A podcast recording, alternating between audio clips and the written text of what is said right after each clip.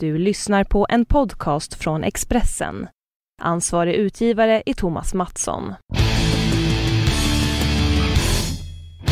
Hej och välkomna till Allt om bilars podcast. Jag heter Jan-Erik Berggren och står i studion för andra veckan i rad med David Jakobsson. Hej Jan-Erik. Nu är det lite piggare. Förra gången sa jag att jag fick släpa fram dig i någon korridor här men nu är vi på banan. Ja, nu är vi på banan. Ja, Ja. Vi lovade ju förra veckan att vi ska prata om rallycross. Då handlade det mycket om Formel 1 den gången. Mm. Och eh, vi ska hålla oss till lite rallycross men jag tänkte att vi också ska stöka undan Formel 1-premiären. Kanske lite MotoGP-premiär. Mm. Kanske lite bilskatt som har varit i ropet Mm. och verkar vara i ropet ständigt på ett eller annat sätt. Och eh, så kommer vi tillbaks till rallycross-premiären, VM-premiären som är i Barcelona nu i helgen. Om några dagar när vi spelar in det här. Det låter väl som ett bra upplägg. Ja, hur var det gick det nu då? Följde de eh, din, dina linjer runt eh, Albert Park i Melbourne? Du hade ju tränat på att köra den här Formel 1-banan. Ja, Formel 1 2016 i PS4. Eh, ja, genant nog så var den ungefär 10 sekunder snabbare än mig per varv. Men har, du har ju de gamla reglerna. ja, men det, det fattas fortfarande sådär en 7 sekunder. Men ja, nej, men det var väl eh, ungefär som man väntade sig va? Eller vad säger du? Om racet? Eh, ja, vi, hade väl, vi graderade ju både team och förare lite grann och det Mm. stämde ju väldigt väl. Det var ju stora skillnader inom vissa team mellan Mm, förarna. mm. Som Det- ja. McLaren till exempel och Williams. Ja, det, var ju, det är ju faktiskt intressant att det var större skillnader inom teamen än mellan olika team. Det är ja, väldigt det, var tydligt. en- det, är en- det var väl en ny trend och sen överraskade ju eh, Ferrari tycker jag ändå positivt. Nu hade vi ju sett det under testerna men Mm. kanske inte vågat hoppas att de skulle vara så pass nära Mercedes. Well, jag bettade ju en hundring på att Ferrari skulle vinna det där och det slog ju ganska väl ut. Men hade fel förare. Jag hade fel förare. Jag, jag, jag bettade på, på eh, Räikkönen och Ferrari. Men jag är ändå nöjd med utdelningen, om man säger så. Eh, och även där var det ju en viss skillnad mellan förarna. Ja, Räikkönen var ju inte riktigt, eh, eller inte alls i närheten av. nej, nej, han inte, snabb. inte alls samma fart. Men det är ju en, väl, det är en väldigt speciell bana också. Den liknar ju ingenting annat på hela, hela Formel 1-cirkusen. Så eh, alla, alla sådana här människor som, som till skillnad från dig och mig kan det här med Formel 1 så säger jag att man ska inte titta på vad som händer i Australien utan det är liksom inte, det har inte riktigt börjat än. Och ändå så är det ju redan nu igång analyser. Dels på teamen, förarna och Ja. de nya reglerna Ja, precis så. som man dömer ut eller gillar. Mm. Och snacket, den stora snackisen är ju fortfarande, eh, det har ju fått tagit ny fart nu då efter Australien, att kan man köra om med det nya reglementet eller kan man inte köra om? Eh, där snackas det ju jätte- jättemycket Ja, och vad, är, vad, vad var omkörning förra året? Ja. Var det rena passeringar på DRS eller var det en omkörning? Ja. Och vad är omkörningar idag? Ja. Men eh, det är ju så att säga, Albert Park är en sån här bana som, som inte är en omkörningsbana. Om man ska, ja, töntigt ord, omkörningsbana. Mm. Men det, det brukar inte vara så många omkörningar. Jag lyssnade på Janne Blomqvist i hans podd i morse på vägen till jobbet och han hade väl räknat någonstans och sa att förra året var det 23 omkörningar där och det var Fem. fem i år. Ja, Men jag tycker ändå att det var eh, rätt tydligt att oavsett bana så är ju Ferrari närmare Mercedes och de lyckades ju vinna på taktik och, och eh, att, de, att de var så pass lika i ren fart. Mm. Så att när de väl hade kommit om på taktik, det var ju verkligen på håret att, att eh, Vettel körde om Hamilton i, i, vid sitt första depåstopp. mm. Det var en klassisk sån här Schumacher eh, taktik runt depåstoppet som han var mästare på. Mm. Och ehm, det kommer ju att sätta press på Mercedes att, att vässa sin egen taktik om inte annat. Eller att försöka bli snabbare. Mm. Jag läste nu att de redan försöker jaga vikt på bilen för att de tycker att den kanske är för tung och att den sliter däck för mycket. Då. Mm. Vilket ju syntes på Hamilton. Att han klarade inte riktigt eh, att åka lika snabbt, lika länge fram till första depåstoppet. Mm. Och det där är ju, man såg ju på Ferrari förra året hur de hade, hur de gjorde massa misstag, taktiska misstag när de var pressade. Och det kan ju drabba Mercedes nu också. Mm. Att de gör taktiska felbeslut när de är pressade och vet att vi måste göra rätt nu. Mm. Och sen så finns det, ju, finns det ju en stor risk för taktiska felbeslut i alla uppgraderingar av bilen också som nu är på gång. pratas om att det här kommer bli en säsong då racet står liksom i, i, hemma i fabrikerna. Att man liksom hela tiden kommer utveckla bilarna som galningar. Mm. Um, och där, där, finns det ju möjligheter att gå bort sig också. Framförallt om man är pressad och vill ha fram nya lösningar snabbt för att man känner sig hotad av en röd italienare. Ja, nej det kommer sätta större press på alla och det är ju, öppnar ju som sagt för misstag. Och det, är, det är ju kul, eller att det i alla fall eh, inte är så givet på förhand vem som kommer att vinna ens i Kina. Vi vet ju inte. Vi, vi, nu kan vi bara spekulera och se fram emot den tävlingen. Mm, jag får ta nästa gång. Nej, men det var i alla fall kul att eh, säsongen är igång. Jättekul att Vettel vann tycker jag. Eh, och sen så var det kul att Bottas ändå, nytt team, ny bil, lyckades ta sig upp på pallen direkt i premiären. Ja, han det gjorde tycker jag är imponerande. Ja. Han kommer, eh, ja jag tror nog att han kan bli snabb. Ja, om vi ska prata om Marcus Eriksson så, um, så skrev jag någon text att han åkte på en dansk skalle. Men Mm, han åkte på. En, han åkte på en tryckare där och det blev lite eh, ordbråk efteråt där Mm. Magnusens teamchef tyckte att eh, Ma- Marcus hade varit i vägen Mm. på ett eller annat sätt. Han, flera gånger också. Han gnällde på att Marcus hade varit i vägen under någon träning eller kval eller vad det var också. ja. Men eh, Magnusson själv var ju direkt eh, efter racet i, i depån och sa förlåt till Marcus. Så Ja, att, eh, nej men det, det räcker att titta på, på bilderna hur det gick till. Och det var väldigt synd även om, om ju eh, Marcus har lite sig själv att skylla för han gjorde ju en dålig start om vi ska vara ärliga. Mm. Ehm, och han hade ju själv, som jag också skrev i min text, han hade ju själv före gått ut och sagt att starten var så viktig och det var där han hade en chans nu att liksom Mm. ja, ta några placeringar och så. Mm. Ehm, sen tror inte jag att det hade räckt till poäng ändå kanske för att det var så pass många starka bilar i mål. Det var inte jättemånga som kom i mål men det var väl 14, 13 va? Där någonstans. Men det var- ju 10 starka snabba bilar som Mm. tog poängen. Så att, Det var kul att se att Hamilton kunde starta nu. Han eh, gjorde ju bort sig rätt många Ja. gånger förra. Det var väl kanske därför han inte blev världsmästare förra året. För att han eh, hade problem krångla med till starterna. starten. Ja. Och nu är starterna mer komplicerade sägs det. Jag har ju aldrig startat en Formel 1-bil. Nej men, tyvärr har vi inte men, men det, lär, det lär vara ganska svårt. Vi testar gärna om någon där ute att Mm. låta oss. Vi tar det på engelska. Nej.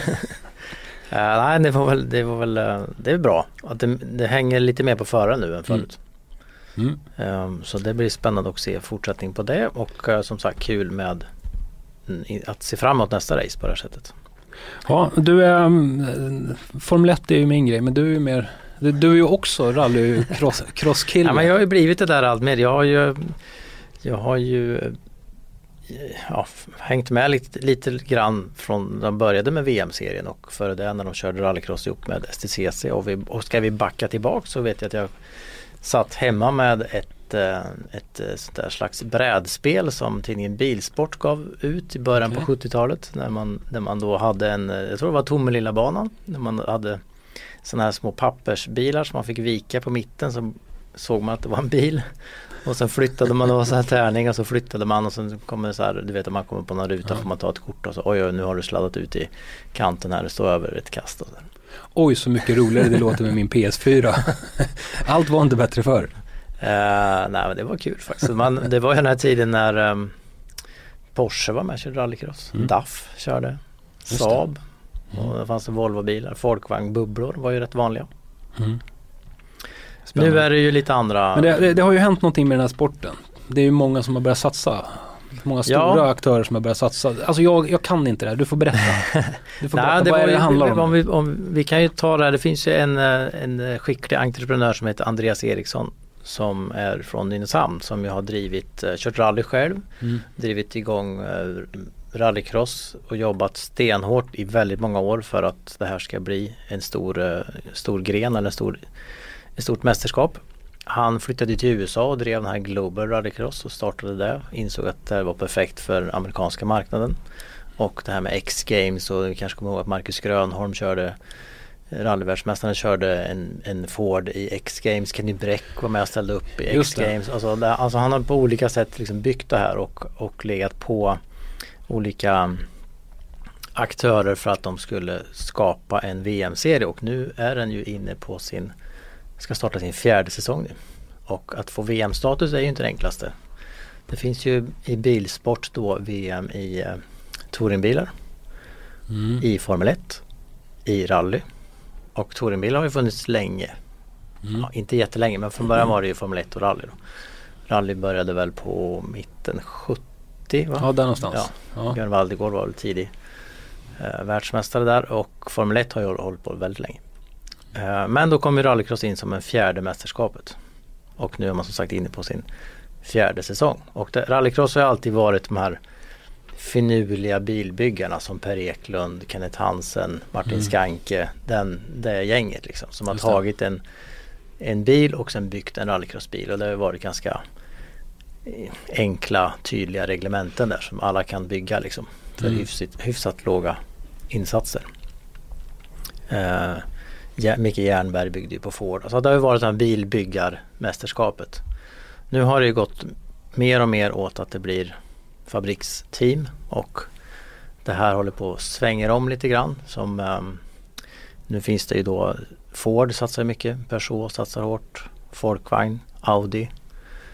Och uh, nu lyckades ju uh, till den här säsongen Peter Solberg som tidigare körde Citroën, alltså sina gamla rallykontakter då kan man säga med Mm. Citroën.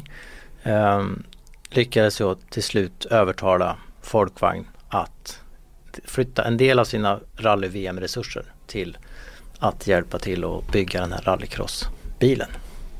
Eh, och de startade då tillsammans med den svenska importören då, Folkvagn, det som heter rally.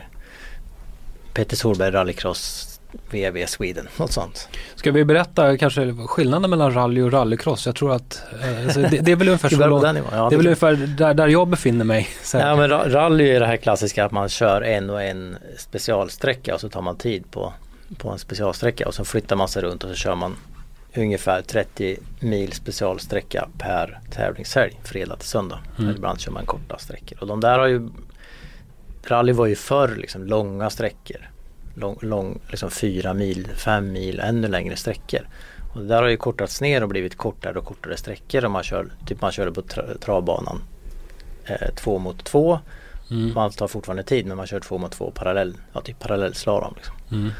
Eh, och det har ju fått, rally har fått delvis kritik för att man har kortat ner det och blivit så här, ja, sträckor på en och en halv mil och så här.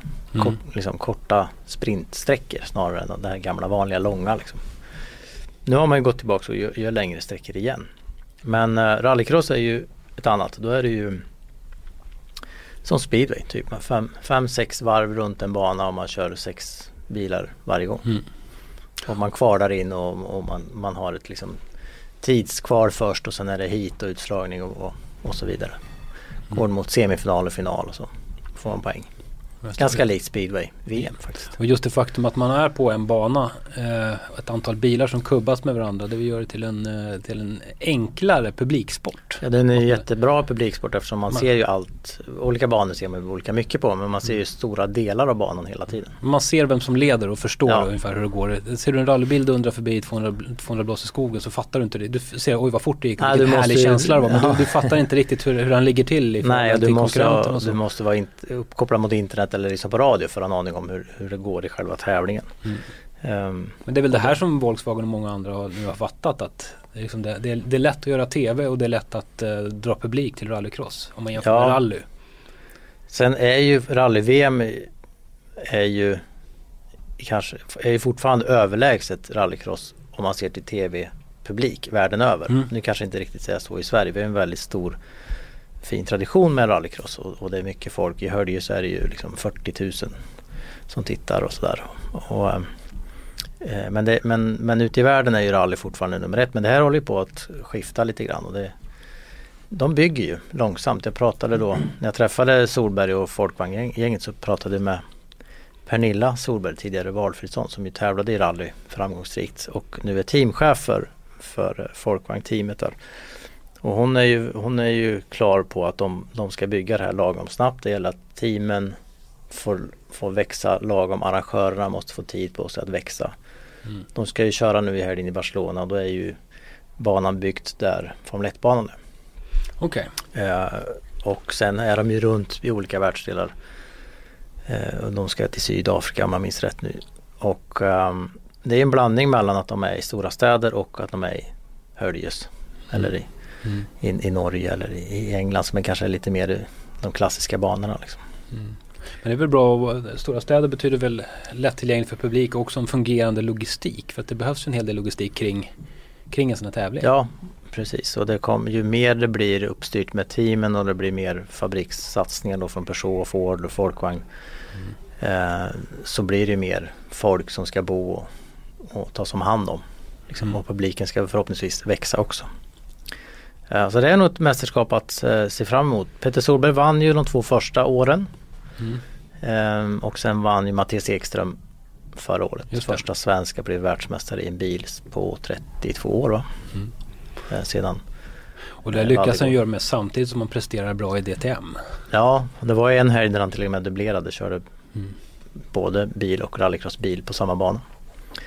Så det är starkt. Och han är ju en, eh, säkert en titelaspirant även i år. Spännande. Men ja. vad, vad, tippar du där då? Vem, vem eh, tar hem det? Jag tror ju nog att det står mellan eh, Mattias och Petter faktiskt. Eh, sen ska det bli kul att följa just folkvagnteamet för att Johan Kristoffersson som ju kör tillsammans med Petter de, de kör ju väldigt olika. Kör... Han kommer ju från banracing. Precis och jag skrev någon text om det att de, de en kommer från bana, en kommer från rally och mm. när de möts så tar de olika vägar mot mål för att det är lite så att de kör väldigt Mm. På, på, olika, det ser olika ut liksom när de kör. Men då har jag fattat det här fel eller är Löb inblandad på något sätt? Löb kör ju Peugeot. Sebastian Löb, alltså gamla rallyparkmästaren. Ja, han hoppar ju från Dakar in till eh, Peugeot. Han körde ju några tävlingar förra året redan. Mm. Men blir nog jättefarlig i år också kan jag tänka mig. Mm. Eh, det är Hansen-bröderna där eh, som kompletterar honom och eh, det är väl eh, Timmy som är snabbast och Kevin är ny nu då i den här. Han vann ju klassen under förra året. Och eh, är, är nog supertalang så att säga på sikt. Men det är ju Timmy som är snabbast nu. Och Löbe är nog minst lika snabb. Men jag, Petter var ju frispråkig där under presskonferensen eller visning av sitt team. Så berättade att han hade haft lite koll på Peugeot-stallet och att Löb hade mm. varit arg första gången han testade bilen och typ de hade fått kicka sin ingenjör och bygga om bilen. och då visade det sig att den, var, att den blev mycket bättre. Det finns ju ett problem med eller en egenhet med rallycross är att de testar ju inte som Formel 1 på samma bana samtidigt. Mm. Utan de åker runt och kör på olika banor och bokar sina egna tider liksom. Så de har ju ingen koll på hur snabba de andra är. Nu vet jag att Petter sa att han hade liksom hört sig för om någon där som jobbade på banan kan inte du ta lite tider när de kommer nu nästa vecka och kör här liksom. Och så ringer honom och ah, hur snabba var de egentligen liksom. Så att de har lite spioner ute för att kolla mm. varandra. Eh, sen är det ju så med rallycrossbanor i blandning mellan grus och asfalt. Mm. Och den skiftar ju väldigt mycket. Mm. Alltså det kan ju vara en hålighet någonstans på gruset ena gången som inte är nästa gång. Mm. Så det är väldigt svårt att, att liksom jämföra tider och, och så. Mm. Och när jag pratade med Johan just om det här att eh, de kör så på så olika sätt, han och Petter. Så sa han att han, han han analyserar ju data och mäter och bromspunkter hit och dit. Och sen när han kommer in sitter han och kollar i datorn. Och sen sa han det är väldigt svårt för någon annan att försöka gå ut och kopiera, bromsa på samma ställe. För att när de åker ut, ja men då kanske banan är annorlunda. Alltså då kanske inte fästet är som det är, var för honom på den asfalten. För då kanske mer grus eller lite mindre mm. grus. Eller skillnad i temperaturen. Eller? eller temperaturen och så liksom. Mm. Och um, Tydligen så var det till exempel väldigt meck med att få eh, de, har, de får inte ha däckvärmare. Eh, så, så då startar de på kalla däck och då startar de med lågt lufttryck. Mm, och då gäller det att så ökar det för att du ska sluta på då ett optimalt, alltså försöka ha optimal temp och tryck i, i däcket mm. eh, under så lång del av banan som möjligt. Men för, i första varven så kan det ju vara problem att få upp liksom, tempen och trycket i däcket. Då olika på olika banor. Börjar du med en asfaltsväng, börjar du på höger vänstersväng, mm. börjar, ja, börjar du med högersväng och resten är hö vänstersvängar. Det, så det är väldigt liksom många, många olika variabler så det är inte lika mm. enkelt att optimera en bil som, en, som på en racerbana. Mm. Och sen har man ju rallycrossen där också att man faktiskt har fem konkurrenter som gärna knuffar och buffar ja. på en. Så det, är ju, det är ju man mot man eller kvinna ja, mot kvinna körning liksom. Det där pratade jag också med Tommy Kristoffersson, ju team, ja, pappa till Johan och, och kört, kört både rallycross och racing. Och så är det ett problem att, att, eh, att man får knuffa sig. Det är en kontaktsport liksom. Det, det är ju domare som bedömer det här. Och när, när går man över gränsen och vad gör man då? Mm. Eh, Det är som i, ja, men som i hockey. Man kan ju få en slutspelsserie där de, där de slår ihjäl varandra mer eller mindre på, på isen Mm. och, och skadar varandra. Liksom. Medan nästa gång så kommer en annan domare och, och blåser utvisning direkt. Mm. Eh, Men han sa att det, nu har de ju samma domare på alla tävlingar. Mm. Och han sa att det är superviktigt att den domaren gör klart att det här är nivån, så här mycket får ni göra, så det här får ni inte Mm. göra och att han då säger till direkt. Mm. För de kvalar ju och så och kör lite träningsvarv, att man redan där säger till att här, nu kör du det här genar du för mycket eller så. Mm. Och det var väl si och så sa men det är ju en bedömningssport så det finns ju alltid en risk att Det de- går aldrig att få exakt. Det, Nej. det vet vi som du säger, i hockey så kan det vara väldigt skillnad. Men Ja. där så, så fattar ju hockeyspelarna ganska snabbt vad, vilken nivå det är som gäller. ja. Det kan ju vara samma sak här. Det Ja, kanske, kanske bara en eh, krydda i det hela. Som för Kevin och Marcus där, det hade ju inte hjälpt om Kevin hade fått ett straff. Marcus race har förstört i alla fall. Ja, hans bil var ju trasig. Liksom. Det är Ja. som, ja. Och så är det ju rallycross också. Och, och, Mm. Men de har ju, jag vet att Kristoffersson hade ju stora problem med med att han fick punktering eller att de, att de körde sönder fälgarna ett tag. Och det är ju- tillhör ju att bygga bilen då stark. Liksom. Mm. Att den ska klara en smäll. Mm. Oftast är det väl liksom från sidan bakifrån. Eller att de kör på en kantsten för hårt med framhjulen så ska det ju hålla. Liksom. Mm. Och det ställer ju också krav på att ja, det ska hålla eller ska man kunna finlira och justera allting i det sista. liksom. Mm. Så Ja, det är många variabler i rally och det gör det ju kul och spännande att, att det är inte så förutsägbart. Liksom. Var kan man följa rallycrossen någonstans? Eh, Jag tror att det är väl SVT som sänder om jag minns rätt nu. Eh, Ja, annars finns det ju en rallycross VM har egen hemsida så man kan Mm. följa det där också. Och eh, ja, nej, fort, än så länge är det väl ganska mycket upp till teamen att marknadsföra serien och så. De, de, Mm. Även där skulle de kanske behöva eh, ha lite hjälp. Det finns ju en promotor men, men de jobbar inte jättehårt med just att visa upp serien supermycket. Men det blir en spännande säsong tror jag och eh, även om man säger det här är så mycket variabler, det är så ovisst och, och det är så svårt och det allt kan hända liksom. Så tittar man på förra året så var det ju Mattias Ekström, Peter Solberg och någon mer var ju mer eller mindre i alla finaler. Mm. Ehm, och det kommer väl, det, det visar sig väl nu att de här som har Fabriks stöttning de kommer väl att lyfta sig lite mer. Audi Sport hjälper Mattias. Uh, Folkvagn rallyavdelningen har ju plockat en VRC-bil från 2014 som de bygger den här på. Okej. Och det gick ju bra.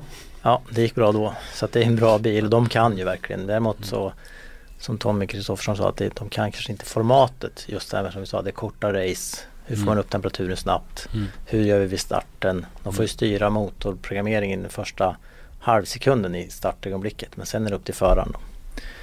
Det här ska programmeras, det ska fixas liksom. Mm. Så det är ett annat format. Volkswagen är ju ganska vana vid, vid olika typer av motorstyrningar. Ja, precis. Jag tänker på Dieselgate. Som- Nej, alltså de, eh, visst kan de. Det är väl bara att de ska få till det nu också. Mm. Och uh, Peugeot vill ju säkert också vara med och leka. Och, uh, det finns Manfred Ståhl kommer in och, och ska köra Audi. Det kommer liksom fler och fler namnkunniga förare som tycker att det här är spännande och kul. Liksom. Kul. Ja, så det blir tuff, tuff, allt tuffare mästerskap. Eh, Ja, MotoGP tittade du på förstås. Jag bara såg uh, Alltså, slutet. Jag såg sista, sista Ja, varvet. alltså jag började att titta. Det var kval som regnade bort och det var försenad start och elände. Så jag fick snabbspola det hela sen i efterhand. Ehm, ja, och kikade och det, det är jätteroligt att titta på MotoGP. Kul att det är igång igen. Nu visste man ju inte alls var folk stod någonstans som vanligt. För nu är det ju uppdaterade cyklar och det, det, det är som i Formel 1 att alla bygger sina nya grejer och folk hoppar mellan olika team och, och sådär. Så nu var jag mest spänd på att se hur det gick för eh, Vinales i Yamaha. Han har ju varit blixtrande snabb sådär på tester och så. Och det, det gick ju hela vägen. Han var- ju oerhört snabb. Man trodde inte, jag vet, jag såg lite före starten, då hörde jag att de kanske trodde att han inte skulle klara de här eh, blöta, det som man tänkte kunde bli en blöt bana liksom. Mm. Men det gjorde han ju. Men så, som jag fattade så var han, eh, alltså, bo, båda Yamaha-cyklarna hade lite sådär problem med att känna var gränsen gick på framhjulet, alltså greppet fram, i framdäcket. Och mest hade nog Rossi ändå. Han var inte nöjd med sin cykel och så startade någonstans typ mitten av fältet sen också. Eh, ganska långt bakom. Så det var ju en sån här klassisk race där man fick se Rossi äta sig upp genom fältet. Och det, Det, det är ju jättekul. Han, han är ju verkligen en racer sådär. De kom trea till slut. Ja. Det är imponerande. Ja, men eh, om man bara kunde lära sig kvala den där killen. det skulle kunna bli något av han. ja, nej, jag, jag kan inte prata så mycket om det för jag Nej. bara så här halv... Vi ska väl också nämna att Formel E kör sin uh, kör en tävling i Mexiko va? I helgen. Får vi Eh, hålla tummarna för, för Felix Rosenqvist. just det. Det blir kul. Man kommer inte att höra så mycket, man hör inte de bilarna. Men de visslar ganska skönt ändå. Det Men på tal om el- elbilar, om vi måste knyta ihop det med rallycross. Det ryktas ju då, kanske ni hörde på eh, min podd med Mattias Ekström, att han gärna såg att man utvecklade el-rallycrossbilar. Ja. Eh, och det skulle ju passa perfekt. Då skulle man kunna vara ännu mer inne i städerna och köra liksom, bygga coola banor och så. Mm. Eh, och det där Peter Solberg avslöjade faktiskt på småtimmarna efter, efter middagen där att det finns en, en mer eller mindre färdig folkvagn eh, el-rallycrossbil som ska börja testas inom kort. Får jag läsa en provkörning av den i allt om bilar möjligen? Ja, det kan vi hoppas. Kan Ja. hoppas. Däremot så lyckades jag också där förhandla lite med Tommy Kristoffersson som vi ska köra i STCC med en TCR eh, Golf är det väl. Att eh, vi ska nog försöka få till en testkörning av den i alla fall före Kul. säsongspremiären. Roligt. Ja, så får ni se hur, vad vi tycker om att köra en TCR-bil. Det är nya regler i STCC och ett större startfält än på väldigt, väldigt länge. Mm. Ska vi nämna något om bilskatten då? Det som eh, har roat och oroat många Bilskatten, Bilägare. det är den stora snackisen. Nu är vi ju eh, rätt bra bit, ja, men det, det kanske går bra där via elbilar. Ja. Det här nya bonus malus, eh, vad heter det? Precis, bonus malus system alltså en bonus eller en straffskatt beroende på om man köper bil som släpper ut lite eller mycket CO2. Och Mm. regeringen har lagt ett förslag som till att börja med, vi ska säga det, alltså inte, det blir ännu fler missuppfattningar. Det gäller då nya bilar sålda efter 1 juli 2018 enligt regeringens förslag. Det Mm. som gäller gamla bilar är att man sänker eh, gränsvärdesnivån från, från 111 till 95 gram så har du en äldre bil så får du då ungefär 352 kronor i högre skatt per år. Ungefär Eh, 352. Ja, det- exakt, precis ungefär. Mm. Du kan ha, om du släpper ut mindre än 111, om du har en bil som släpper ut mindre än Mm. 111 så blir det ju 22 kronor gånger eh, mellanskillnaden mellan ditt värde och 95 gram. Jag förstår. Ja, så, eh, men som max kan det bli 352 kronor mer än idag. Om jag har förstått på dig så har du fått en och annan reaktion på En på annan detta. reaktion, Det är man ju tycker det är ju inte Jan-Erik Berggren som står bakom det här. det är politiker, men det är många som har hört av sig. Ja, väldigt många man tycker att det här är straff mot alla som bor på landsbygden. Det är straff mot alla som, så, som har, inte har råd att köpa en elbil. Men igen, det gäller ju då nya bilar. Man köper en ny bil efter 1 juli 2018. Mm. Och släpper man ut en, eller köper man en bil som släpper ut så här 105 gram så blir det inte jättemycket i skatteökning. Dieselbilar byter man den här faktorn som man pratat om förut. Man får betala lite mer för att man har en diesel.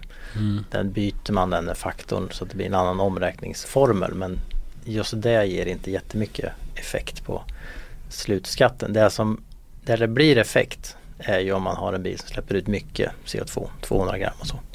Och så ska vi säga också att den här skatteökningen som regeringen säger idag ska bara gälla de första tre åren. Sen är man tillbaks på samma värden som idag. Mm. Nu är det många som misstror det här. De säger att ja, men om man väl infört en skatt så kommer man att ta bort den. Nej, det finns ju, Men det, det kan man ju inte utgå från. Man får utgå från förslaget det som de har sagt. Men eh, det är ett rätt krångligt system återigen när man ska prata om, om det här.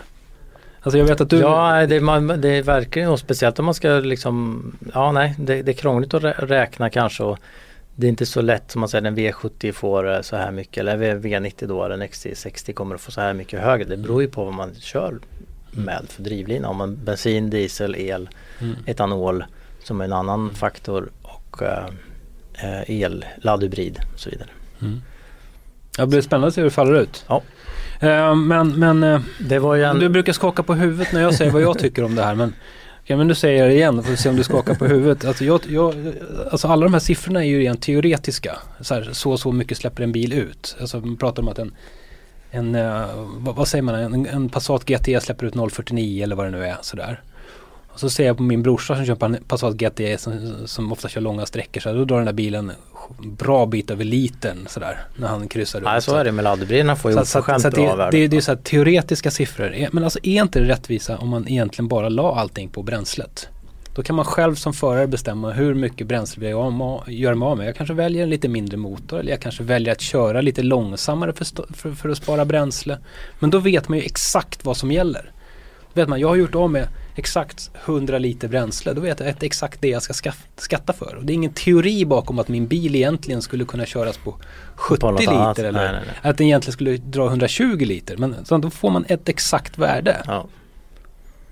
Nej, det är så, så kan det vara och eh, jag vet inte om, om det är för att de vill kunna veta hur mycket de får in i skatt. För det vet man ju nu.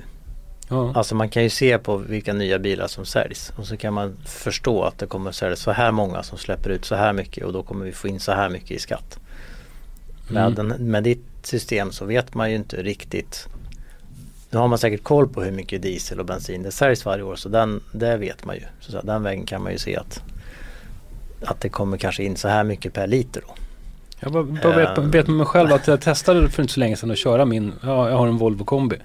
Testa att köra den, eh, så tänkte jag verkligen för hur, tänkte mig för hur jag körde och sänkte förbrukningen 20% ganska snabbt och lätt.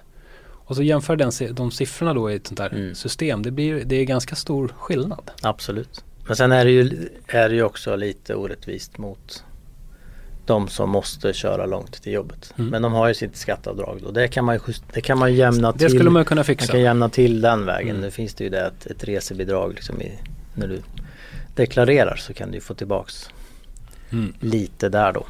Kan man säga för att du jämnar ut, för det är ju lite orättvist för de som måste köra långt. Mm. Alltså det kanske inte går att bo bredvid jobbet. Känns som ett ämne som vi kan återkomma till.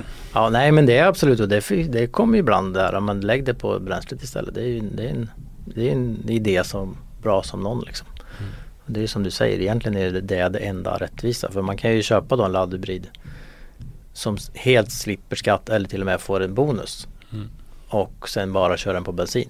Och den drar en liter milen och släpper ut mycket, mycket mer än min eh, granne då som har en, en, eh, en diesel som släpper ut, eller som drar 0,6 Mm. och som får betala jättemycket i skatt.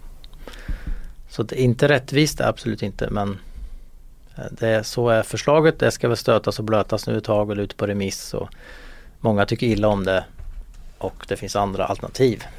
Nu vet jag att du ska ju på säkerhetskurs. Ja, Trevligt. undrar hur det ska gå.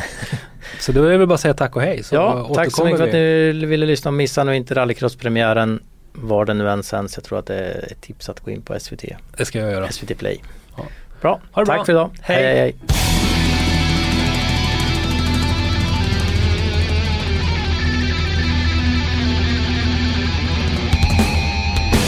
Du har lyssnat på en podcast från Expressen.